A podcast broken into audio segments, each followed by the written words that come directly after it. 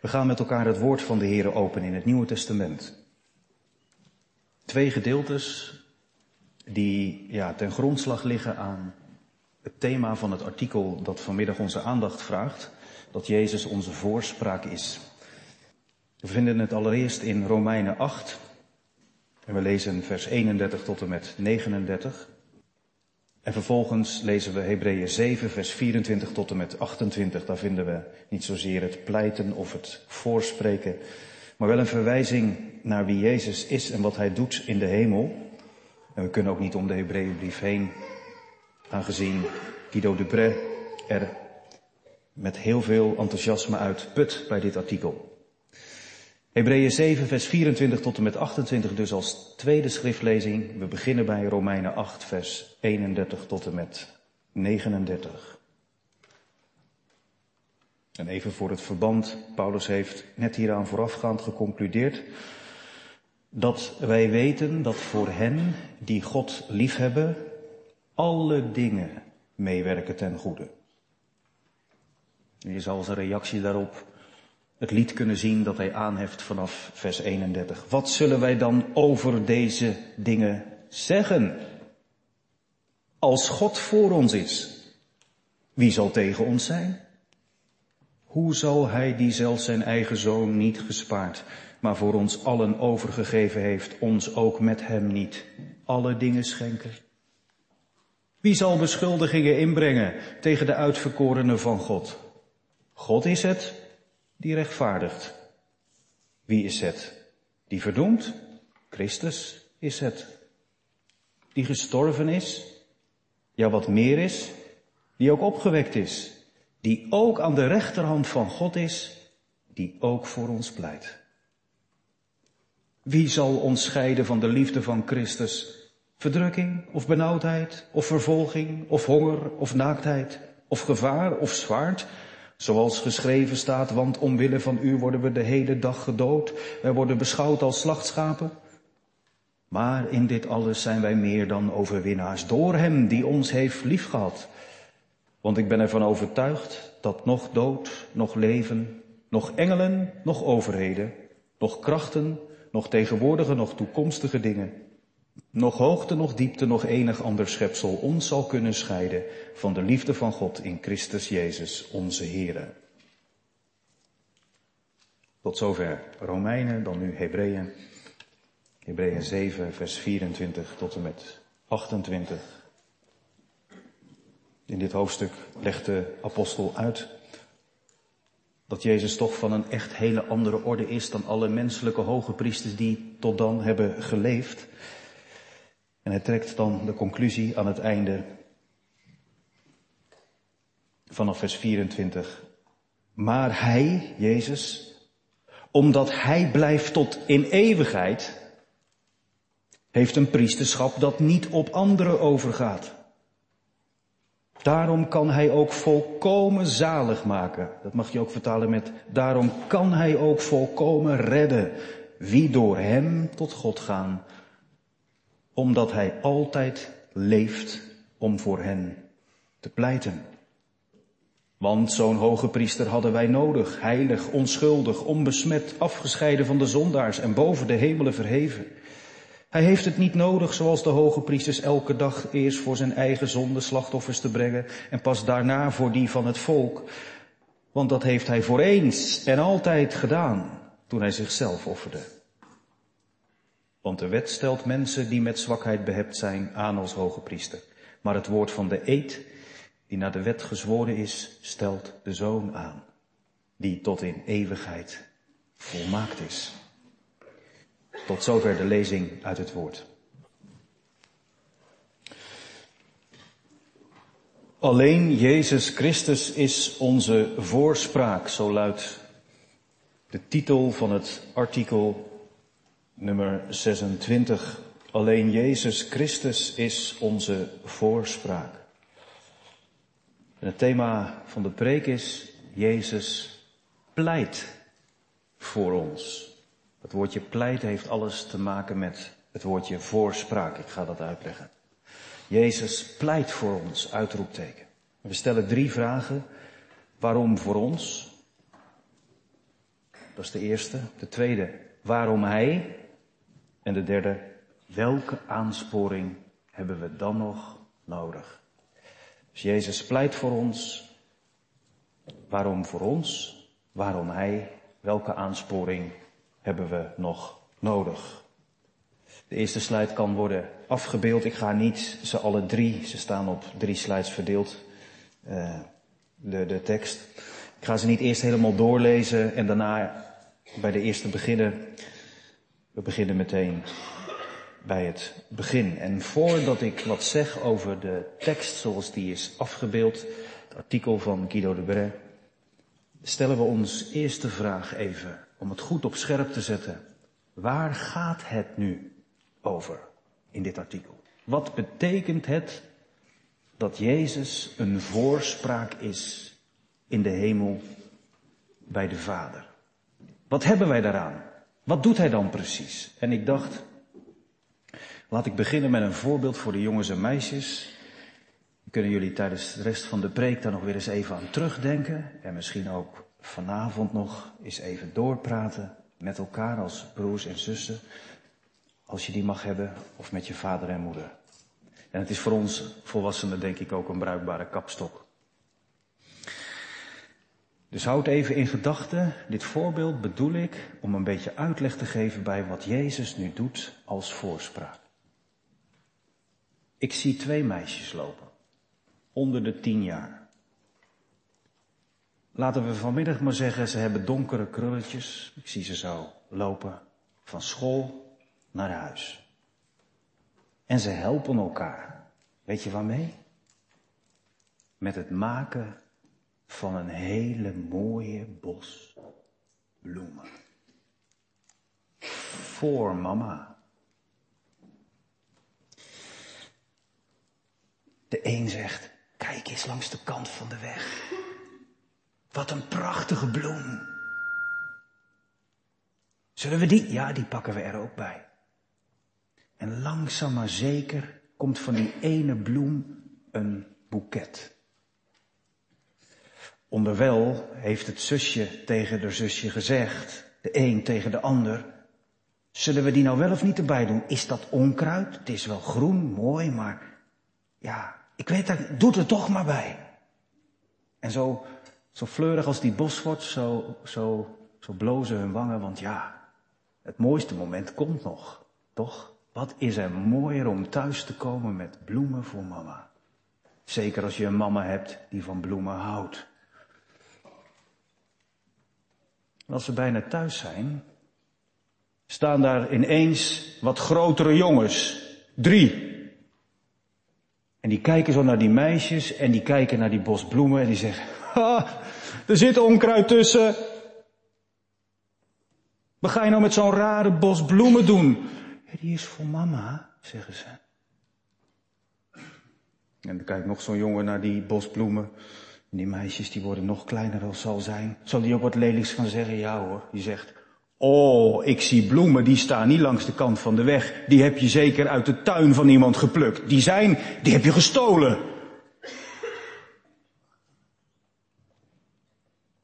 Nou, wat die derde jongen zei, dat, weet ik niet. Dat uh, ik vergeten. Maar in ieder geval, het waren geen lieve jongens. Maar die meisjes, die moesten wel naar huis. Kun je je voorstellen dat ze thuiskomen en ondertussen kijken ze naar de bloemen? Ja, inderdaad. Ze kwamen niet allemaal langs de kant van de weg. Hebben ze ook uit de tuin gehaald. Dat is wel waar. Maar ze zijn zo mooi. Ik weet zeker dat mama ze mooi Zou er nou echt toch wel onkruid in zitten? We dachten het al. En dan komen ze thuis en dan zien ze niet eerst mama, maar papa. En dan gaan ze naar papa en dan zeggen ze papa. En mijn probleem, we willen mama blij maken. We hebben bloemen voor mama. Maar er zijn bloemen die zijn uit de tuin van een ander geplukt. En papa, is dit onkruid? En dan doet papa twee dingen. Eerst zegt hij, waar heb je die bloemen vandaan? Uit welke tuin? Komt goed. Papa gaat er naartoe, die gaat dat oplossen. Desnoods geef ik de mensen geld, kunnen ze andere bloemen kopen, maar ik ga het oplossen. Want ik weet dat je het goed bedoeld hebt. Niet meer doen, maar ik weet dat je het goed bedoelde. Papa lost dat voor jou op. En, eh, oh ja, dit kan eruit. Nee, dit is, dit is geen onkruid. Is het zo nog een bos die je, die je aan mama zou willen geven? Is die zo? Niet veel mooier? En ik zie die meisjes stralen. Papa heeft het opgelost. En ze gaan naar mama. En ze zeggen, mama, kijk eens. Voor u. Wat heeft dat nou met de preek te maken? Als mensen gaan geloven, van de Here houden, net zoals kinderen van hun mama houden, dan willen ze het liefst vaak bij de Here zijn. Maar Hij is in de hemel en wij zijn hier op de aarde. Dus ga je bidden. Breng je de dingen die je aan de Here wil, wil zeggen, breng je onder woorden, je dankt Hem voor wie Hij is en voor wat Hij voor je gedaan heeft. Je leeft met Hem. Alleen ja, soms gebeuren er dingen die niet goed zijn. Soms onbewust. Soms heel bewust. Je neemt ook wel eens wat van dat onkruid mee. Je weet het soms ook gewoon niet goed. Je blijft maar gewoon een mens, ook als je gelooft. En je gaat tot God. Zijn er altijd nog wel dingen aan te wijzen. En ja, daar heb je het, hè. Weet je wat de Bijbel zegt? Die drie boze jongens. Ja, die kom je ook tegen als je gelooft. Er zit er eentje van binnen. En die zegt, zou jij naar God gaan? Moet jij nou gaan bidden? Ben je vergeten dat uh, dat niet deugt of dat niet goed ging? Is de duivel. Dat is ook een hele kwaaie jongen hoor. En die heeft er plezier in om tegen jou te zeggen. Denk je nou echt dat God daarop zit te wachten? Dan heb je gestolen. Dat ziet er toch niet uit? Kun je beter teruggaan? Hij ziet je aankomen.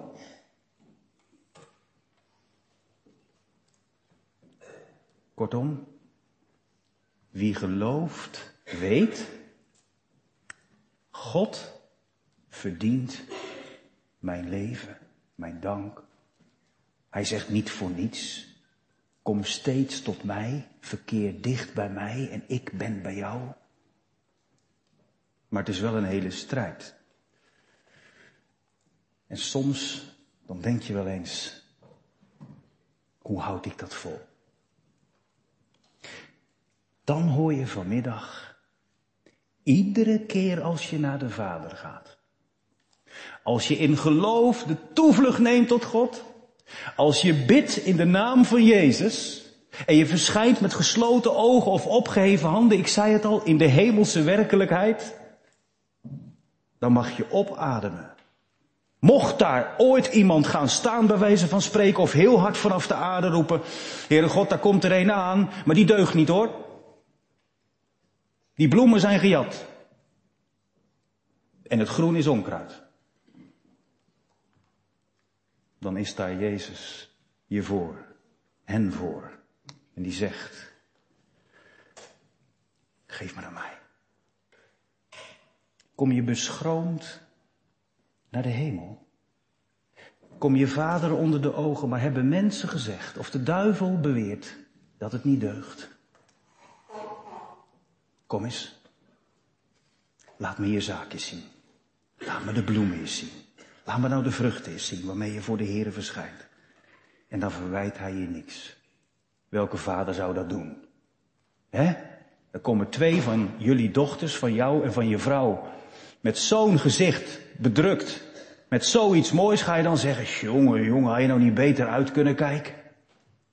Zo is deze voorspraak, deze pleitbezorger, Jezus Christus, die dat wat je bij de Here brengt, helemaal afmaakt. Zoals jij het had bedoeld en niet helemaal had kunnen doen. En zoals de Vader het graag ziet. En dan hebben al die beschuldigers het nakijken. Dat, om het even op scherp te zetten gemeente. Want, als we nou naar de tekst van artikel 26 gaan kijken, zou er wat verwarring kunnen zijn. Laat ik uitleggen wat ik bedoel. Als we zo gaan lezen, wij geloven dat wij alleen toegang hebben tot God door onze enige middelaar en advocaat, dat is een ander woord voor voorspreker, Jezus Christus, de rechtvaardige. Dan zou het maar zo kunnen zijn dat de mensen denken, hoe zit dat nou? Dus als ik tot geloof gekomen ben, dan ga ik tot God. En dan zegt Jezus, ho, gauw hier komen hoor, want je gaat wel naar de Vader hoor. Ik moet eerst jouw zonde nog verzoenen en ik moet het, moet het afmaken, want als je bij de Vader komt, dan moet het helemaal goed zijn. Met andere woorden, Jezus pleit voor ons bij de Vader. Vader, u ziet wel dat het allemaal niet deugt en, en, en daarom zie maar vooral aan wat ik heb gedaan. Ik, ik houd ze achter de rug hoor, want het ziet er niet uit. Maar kijkt u maar vooral naar mij, want stel je voor dat de vader boos is vanwege de zonde. Daar gaat het niet om bij de voorspraak van Jezus. Jezus hoeft onze zaak niet te bepleiten bij de Vader. In de zin van, nou ja, je bent wel tot geloof gekomen, maar blijkbaar was een offer toch niet genoeg. Blijkbaar kun je ook, als je de genade hebt ontvangen, nog steeds in conflict met God leven, waarbij je elke keer moet denken, ja, het moet wel via Jezus. Nee, hij heeft het voor eens en voor altijd gedaan. Zijn bloed reinigt mij. Jezus pleit niet tegen de Vader voor ons, alsof de Vader nog verzoend moet zijn voor degene die geloven. Jezus pleit tegen de vijanden. Dat moet ik weten. Als ik in de spiegel kijk, als mijn geweten me aanklaagt, als de duivel probeert om mij het leven te verzieken en te verzoeken, dan weet ik, duivel, ik verwijs je door. Daarnaast de vader zit de zoon. En naast de zoon zit de vader. En beide zijn ze erop gericht om mijn zaak voor heilig te verklaren. Dus als we de vraag stellen, Jezus Christus is onze voorspraak. Waarom voor ons? Dan moeten we beseffen dat Guido de Brij in algemene zin begint. Dat is hemelwaar. Voor ieder mens. Niemand van ons heeft toegang tot God. Niemand kan voor God verschijnen zonder dat Jezus Christus daar is als middelaar. Dat is een ander woord. Hij die tussen God en mens vrede heeft aangebracht. Hoe zou ik in mijn vuile kloffie naar de heren kunnen gaan? En zeggen, heren, ik heb een beetje gepoetst. Het zijn niet mijn zondagse schoenen. Het is niet helemaal compleet, dat bosje bloemen. Maar ja, u weet toch ook wel, ik ben ook gewoon een zondig mens. Ja, zo ben ik geboren. Zo kom je er niet in bij God. Maar dat wist God. En daarom zond hij zijn zoon, zodat wij in algemene zin als zondige mensen tot geloof komen pleitend op het werk van Jezus Christus. Dat is zo gezegd de rechtvaardiging. Gode zij dank is Jezus gekomen en is Hij, God, mens, de weg gegaan van het eerste moment van de conceptie tot het uitblazen van de laatste adem en het opstaan uit de dood. Dat wat ik niet kon, nietig, zondig mens die ik ben, heeft Hij gedaan, zodat ik gered ben. Maar daarna is de toegang voor mij ontsloten. Dan hoef ik daarna niet meer te worstelen of God wel echt tevreden is geweest met het offer van de zoon. Of ik wel echt naar de Here toe mag komen. Dat zijn vraagtekens die je zet achter het volbrachte werk van Jezus. Niet doen. Niet nodig. Maar tegelijkertijd, ja, eerlijk is eerlijk. Als je tot geloof gekomen bent en je komt die vijanden tegen, en je voelt wel aan, ik kan niet tegen ze op. Dat je dan weet, ik ga in gebed. Ik moet leren leven door het geloof. Rechtvaardig voor God. Dat lees je ook heel mooi in Romeinen 8. Wat zegt Paulus daar? Als al die dingen die in jouw leven er zijn om, om je te vormen naar het beeld van God. Hij heeft je geroepen dan mag je er ook van uitgaan, denk nog aan vanmorgen, dat hij je in de hele waarheid leidt. Ook als dat soms ja, dwars door een leven gaat van strijden tegen zonde, het beleiden van de zonde. En mensen die je tegenover staan en waarvan je denkt, oh hoe moet dit? Het klaagt me aan. Je bent geroepen. En alle dingen worden mee, moeten meewerken ten goede. Wat moet je daar dan tegen zeggen tegen die dingen? Dan komt het hè. Zo God voor ons is. Voor wie gelooft, weet, God is nooit meer tegen mij. Er is geen veroordeling meer voor degenen die in Christus Jezus zijn. God is al voor mij. Daar heb ik Jezus niet meer voor nodig. Daar is Jezus al voor gebruikt. Nou, wie zal er dan tegen ons zijn? Hoe zal de Vader, die zelfs zijn eigen zoon niet gespaard heeft, maar hem voor ons alle overgegeven heeft, ons ook met Jezus niet alle dingen schenken? Als je die drie vervelende jongens tegenkomt, hè? De Vader heeft je Jezus geschonken als je middelaar, als degene die je zonde heeft weggedragen. Zou hij dan met het strijden tegen die zonden die overgebleven zijn, met het strijden tegen je geweten dat je aanklaagt, zou hij je dan ook niet Jezus geven? Jezus heeft niet zijn ambt neergelegd met hemelvaart. Hij is ermee doorgegaan. Hij leeft altijd om voor ons te pleiten tegen die vijanden. Hoor maar. Wie zal beschuldiging inbrengen tegen de uitverkorenen van God? Sta je zo ook wel eens voor de spiegel? Of lees je zo ook wel eens de Bijbel?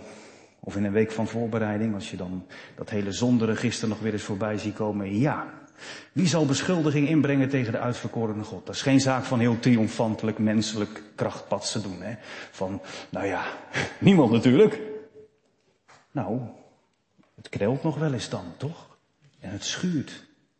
Ik ben niet overal vrij uit gegaan. Maar wat zegt Paulus dan in Romeinen 8?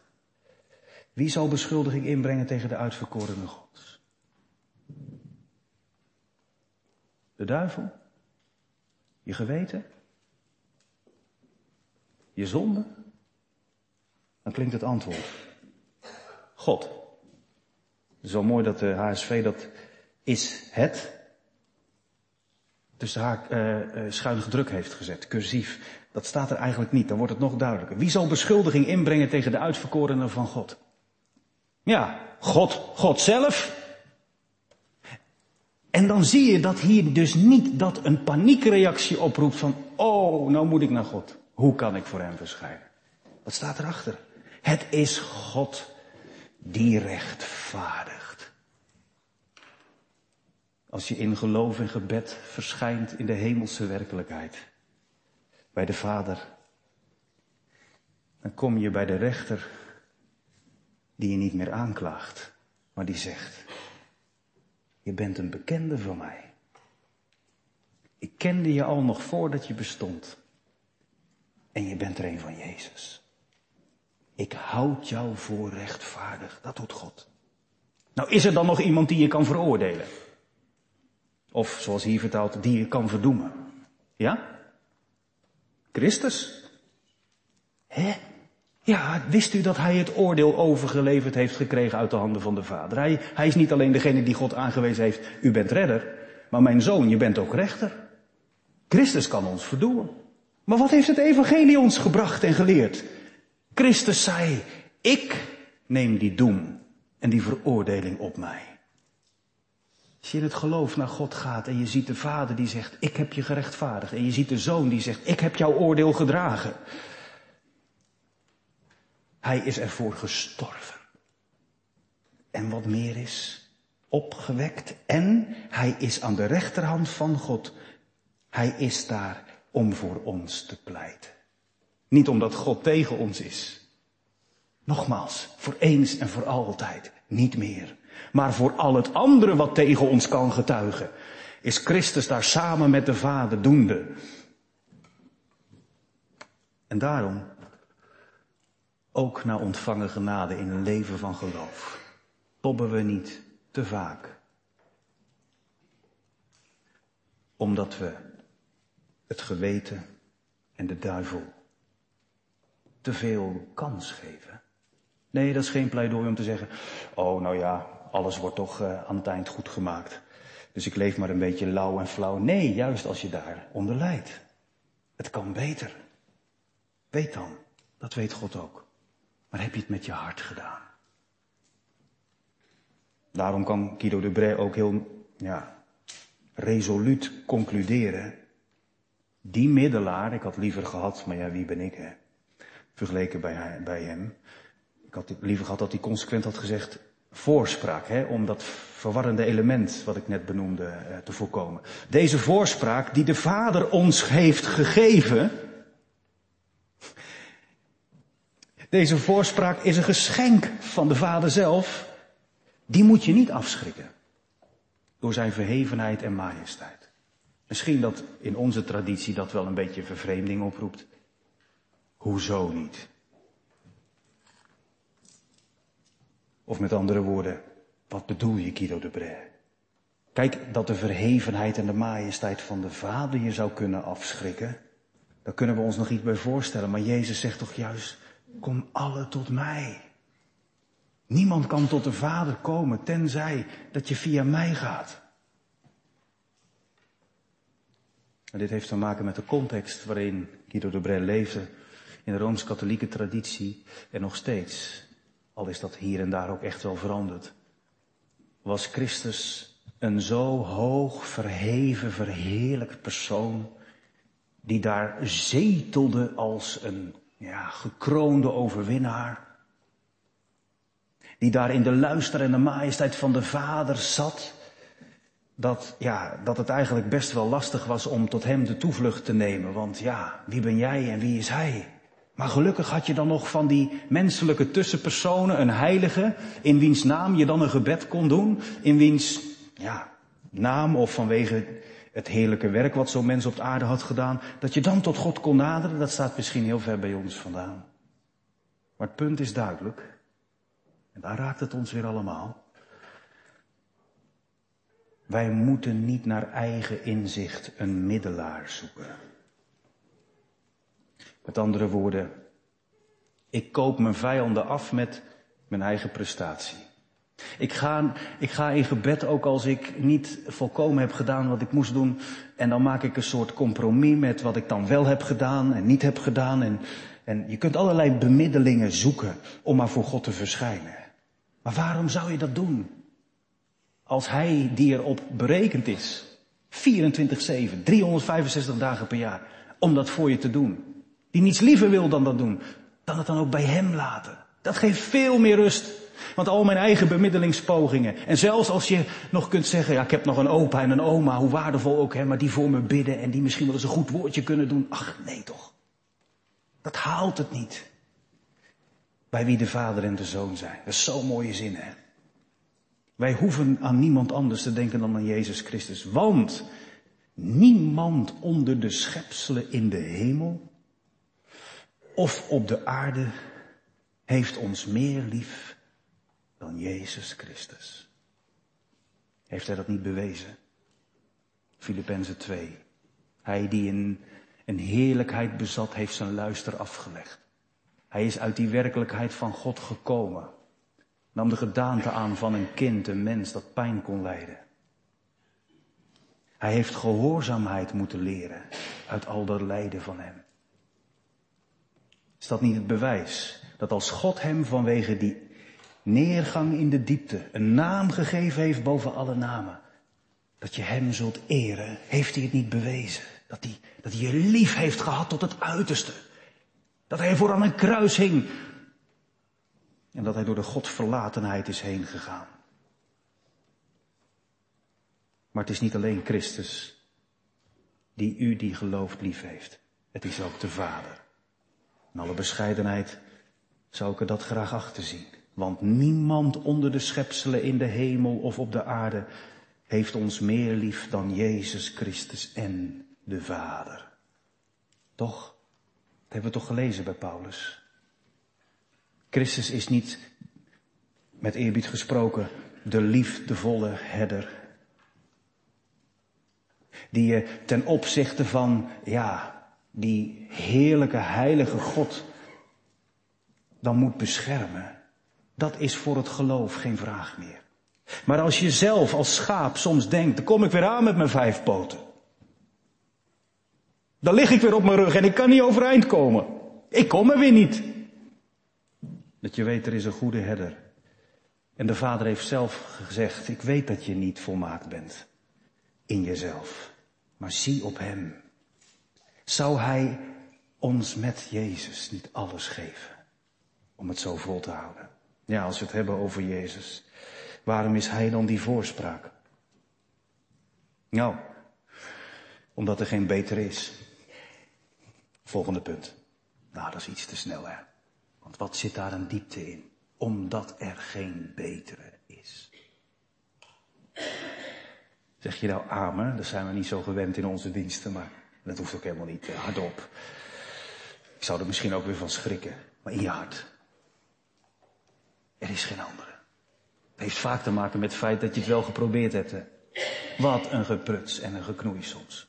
Als je het weer op eigen kracht probeert. Dat je die, dat je die grote jongens als klein meisje weer met eigen handen probeert ja, te verwijderen uit je leven. Of, of nou ja, dat je met jouw woorden probeert het in het reine te brengen. En dat je zegt, ja maar ik ben wel echt een kind voor God hoor. Als er één is die dat weet, in jouw vertwijfeling, als je jezelf overschreeuwt, dan is het de Vader. En als er één is die weet hoe die jou in alle vrijmoedigheid weer tot rust mag manen, dan is het Christus. Als wij een andere middelaar moesten zoeken, ik zou weer zeggen, als wij een andere voorspraak zouden moeten zoeken, die ons goed gezind zou zijn, wie zouden we kunnen vinden die ons meer lief zou hebben dan Hij? De knapste theoloog heeft daar geen weerwoord op. En het kleinste kind in de kerk knikt. Guido de Bray, ik heb u niet gekend. U schrijft wel eens bar moeilijk, maar dit snap ik. Dit is zo waar. Er is niemand die meer liefde voor ons zou hebben dan Hij. Hij heeft zijn leven voor ons gegeven, zelfs toen we nog zijn vijanden waren. En de vader die naast de zoon zit, die kijkt je aan. Als je in de naam van Jezus voor hem beiden verschijnt. Heb je hem zo lief, zoals ik hem lief heb? Kom je hier vanwege hem? Dat was nou van meet af aan de bedoeling. En blijf dat doen. Want is er iemand die meer macht en aanzien heeft dan Jezus? Nee toch? Hem is gegeven alle macht.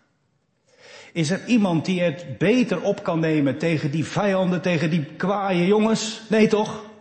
Hij is het die dat in het leven op aarde al heeft laten zien. Weet je het nog? Dan sta je daar op hete daad betrapt. Je hebt geen weerwoord. En Jezus zegt, ik veroordeel jou niet. En al je aanklagers, die gaan naar huis. En als je in het licht van Jezus blijft staan, word je vrijgesproken. Dat is zo'n heerlijk evangelie gemeente als je na ontvangen genade door het geloof weet. Ik heb er één. Niemand heeft mij liever dan hij. Ik heb er één. Niemand is er machtiger dan hij. Ik heb er één, een voorspraak, een pleitbezorger. Niemand zal eerder door de Vader worden verhoord dan zijn eigen lieve zoon.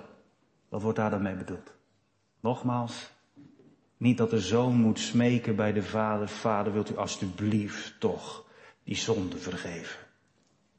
Die zijn vergeven. Maar dat de zoon tot de vader bidt. Houd ze vast. Denk aan uw oogappel. Je ziet al die aanklagers, hè, volgens de schrijver van het boek Job, kan de duivel soms zelfs tot in de hemel komen om te zeggen, ja, maar zo kan ik het ook. Wat een heerlijkheid als je zo terugkeert uit, uit de binnenkamer, bij die hemelse heerlijkheid vandaan en weet, ik weet mijn verlosser leeft. Kom erop. Nee, niet palmantig. Maar als ze er zijn, ik zal je laten weten van wie ik ben. Mijn zaak is al gewonnen. Hij leeft. Ja, als er iemand is die zegt, ja, hoe zit dat nou? Betekent dat dan dat je er altijd zeker van bent als je tot God gaat? Ja, Guido de Bre weet wel van die eh, tegenwerpingen.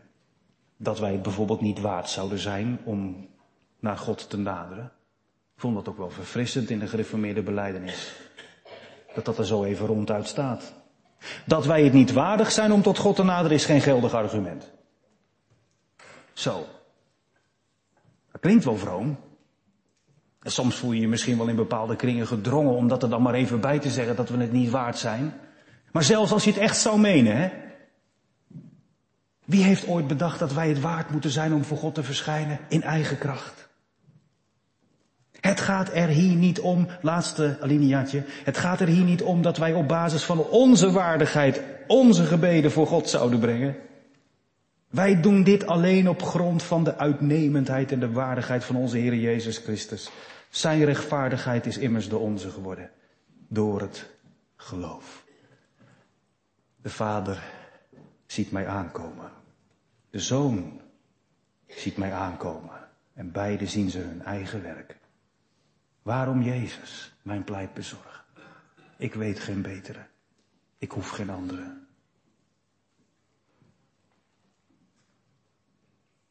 Ik dacht bij de voorbereiding van de preek, als ik ongeveer op dit punt aangekomen ben, het zal wel knallen. Dat zal ik dan weer uitleggen. In de sfeer om ons heen. Dat dit soort dingen ronduit worden gezegd. Het is een geestelijke strijd. Hè? Dit is niet wat de duivel wil hoor. Dit bevrijdende, openbrekende werk. Maar laat ze maar in verweer komen. Onze rechtvaardigheid is Jezus' rechtvaardigheid. Waarom Hij? Omdat iedereen weet, in Hem ben ik onaantastbaar. En dan tot slot. Hebben er nog mensen in de kerk aansporingen nodig? Meer dan dat. Ik vond dat mooi, hè? Dat is de derde slide. Eh, bijna in het midden, onder het midden, onder puntje 4, staat die vraag al in het artikel zelf. Welke aansporing hebben wij nog nodig? En daarvoor staan er nog vier, hè? Vier, ja, vier argumenten waartegen om de angst en het wantrouwen weg te nemen. Stel dat ik het nou toch niet waard ben. Stel dat God mij nou toch terugstuurt. Stel dat Jezus, met eerbied gesproken zoals een kind kan denken, te druk is. Dat, dat hij me niet in de gaten heeft. Dat hij, dat hij geen tijd voor me heeft. Dat hij mijn, mijn zaak op, op die ene dag niet kan bepleiten. Als je die angst kent, zegt Guido de Bre, dan moet je de Hebreeënbrief eens lezen. En zeker als je die leest met in je achterhoofd dat die geschreven is voor Joodse lezers die helemaal thuis waren in, in hoe God en mens met elkaar corresponderen vanwege de offerdienst. En dat het mogelijk was door één hoge priester dat jouw zonden vergeven waren en dat er niemand meer kon zijn die jou kon aanklagen. Die door de Bre haalt er vier dingen uit. Allereerst dat Jezus een barmhartig en een getrouw hoge priester is. Naar de ordening van Melchizedek. Niet in de opvolging van de familielijn, maar door God aangewezen. Een hoge priester die te vertrouwen is en barmhartig is. Hoor je dat? Niet dat de vader dat niet is, maar de vader heeft gezegd, ik heb een voorspraak, die geef ik aan je. Zoals hij is, ben ik ook. Maar in zijn menselijke gedaante komt hij je zo nabij. Hij zal je niet laten staan. Hij is zo trouw dat hij altijd paraat is. En hij is zo barmhartig dat hij je nooit uit het oog verliest. Uh, jongelui, jullie die uh, onlangs in Elburg hebben gekerkt bij dominee Mensink, hebben een preek gehoord over uh, Romeinen 8 vers 34. En ik heb daarvan weer, dankzij een van ons, uh, een samenvatting van gelezen. En daar kwam die zin vandaan die ik net gebruikte in het gebed. Op zijn kantoor brandt altijd licht. Moest ik even terugdenken toen ik dat hoorde aan dat ik het in Schonewoerd nog wel eens meemaakte. Daar woonde, niet zoals hier, een heel klein deel van de gemeente vlak bij de pastorie. Daar was het eigenlijk andersom. Het grootste gedeelte eh, woonde vlak om de pastorie. Dus ja, het glazen huis, dat werd natuurlijk ook wel behoorlijk bekeken. En mensen wisten, is die thuis, is die niet thuis? Brandt er licht op de studeerkamer? En uh, toen uh, sprak ik eens een ondernemer die zei, dominee, Bent u nou zo'n slechte slaper? Of bent u een nachtmens? Of heeft u echt zoveel liefde voor de gemeente? Want ik moet geregeld mijn nacht en moet ik, moet ik weg. En dan rij ik langs de pastorie en dan brandt het, het licht op de studeerkamer. Nou, toen kon ik naar eer en geweten zeggen dat het nog wel eens gebeurde, ja. Dat je uit betrokkenheid op de gemeente, als je wakker wordt en niet kunt slapen, denkt, dit moet ik niet vergeten, opschrijven. Of dit kan ik nog gebruiken in een preek. Of dat je denkt, waarom word ik nou wakker? Laat ik maar eens gaan bidden. Is echt niet elke keer zo, hè? Gewoon heel normaal mens. Maar soms wel. Maar als de gemeente van Schone Woerd in die tijd, of de gemeente van de Laankerk hier in Rotterdam Kralingse Veer, het moest hebben van zo'n bemiddelaartje. Ik vergat ook wel eens gewoon de lamp uit te doen. Lag ik gewoon rustig te slapen. Begrijpt u? Maar deze, deze heerlijke Jezus Christus, deze betrokken, betrouwbare hoge priester, is er altijd daar. Dus wanneer ze ook opdoemen en ze je aanklagen, die krachten van binnen en van buiten, denk aan hem.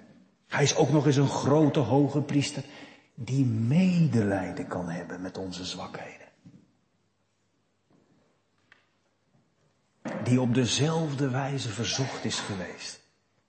Dat is net zoals jullie jongens en meisjes. Ik zie nog eventjes die twee meisjes met die donkere krulletjes bij papa komen. En de reden waarom papa niet zegt, jongen, dat is onkruid en die heb je zeker gestolen, maar dat hij heel liefdevol met je omgaat omdat hij je intentie kent. Diezelfde papa weet ook van die momenten dat hij als jongetje het zo goed bedoelde en dat het niet lukte. Nou, bij de Heer Jezus kun je dat natuurlijk niet zo letterlijk zeggen. Dat hij het goed bedoelde, maar dat hij zonde heeft gedaan. Geen zonde gedaan. Maar hij weet wel wat het is om daartegen te strijden. Zijn godheid heeft hij niet gebruikt om te zeggen, nou, zondige is voor mij, dat kan ik gewoon niet. Dat had hij kunnen doen. Helemaal mens. Hij had de vrije keus om te doen wat Adam deed. Dat hij het niet heeft gedaan, dat maakt hem zo'n heerlijke pleitbezorger. Hij kent mij als geen ander van binnenuit. Toch maakt hij het verschil wat ik niet kan maken. We worden zelfs door de apostel die de brief aan de Hebreeën heeft geschreven, derde punt, zelfs aangespoord om tot hem te naderen in de volle verzekerdheid van het geloof. De volle verzekerdheid van het geloof. Dat zijn misschien hele hoge woorden, hè? Terwijl ze juist bedoeld zijn voor hele kleine mensen. Die in zichzelf de zekerheid niet hebben, maar buiten hen. Die naar God gaan en achterop worden gezeten door de vijand. En die de vader en de zoon zien. Oh ja, hier moet ik zijn. Hier ligt het vast. Niets kan mij uit de hand van Christus rukken. Niets kan mij van de liefde van Christus scheiden. Zo anders als mensen is bij punt 4 Jezus de eeuwige. Hij wordt niet afgelost. Hij sterft nooit meer. Daarom kan hij dag aan dag volkomen redden. Degene die door hem tot God gaan. Ik lag gekneld in banden van de dood. Ik werd achterop gezeten door dit en dat. Ik heb gebeden, twist met mijn twisters hemelheer. Maar ik weet, ik ben zijn oogappel. En iedere keer als ik thuis kom, in geloof en gebed, heb ik dan nog meer aansporing nodig. Als ik weet, als ik daar kom, zie je Christus die al heeft gezegd, je weet het toch. Ik ben de weg, de waarheid en het leven. Kom tot de Vader door mij. En zie dat Hij en ik je er doorheen leiden. Zoek maar geen andere voorspreker. Christus heeft het immers zelf gezegd. Als wij tot de Vader gaan en zeggen, u die uw kinderen wilt behoeden, u hebt mij zelf uw oogappel genoemd. U hebt gezegd, ik heb mijn zoon voor je gegeven. Als wij dan tot de Vader gaan en zeggen, in Jezus naam, verlos mij van mijn haters. In Jezus' naam. Laat mijn geweten niet overwinnen. In Jezus' naam. Ontvang mijn bos van vruchten. Zou hij dan de vader niet zeggen? Dank je wel, mijn kind. Ik die de hele wereld overzie. Die zelf met het spreken van mijn mond een machtige oceaan kan geven. En een schitterende bergpartij creëerde. Kostbaarder in mijn oog dan dat. Is dat wat in Jezus' naam aan mij wordt gevraagd en wordt teruggegeven. Amen.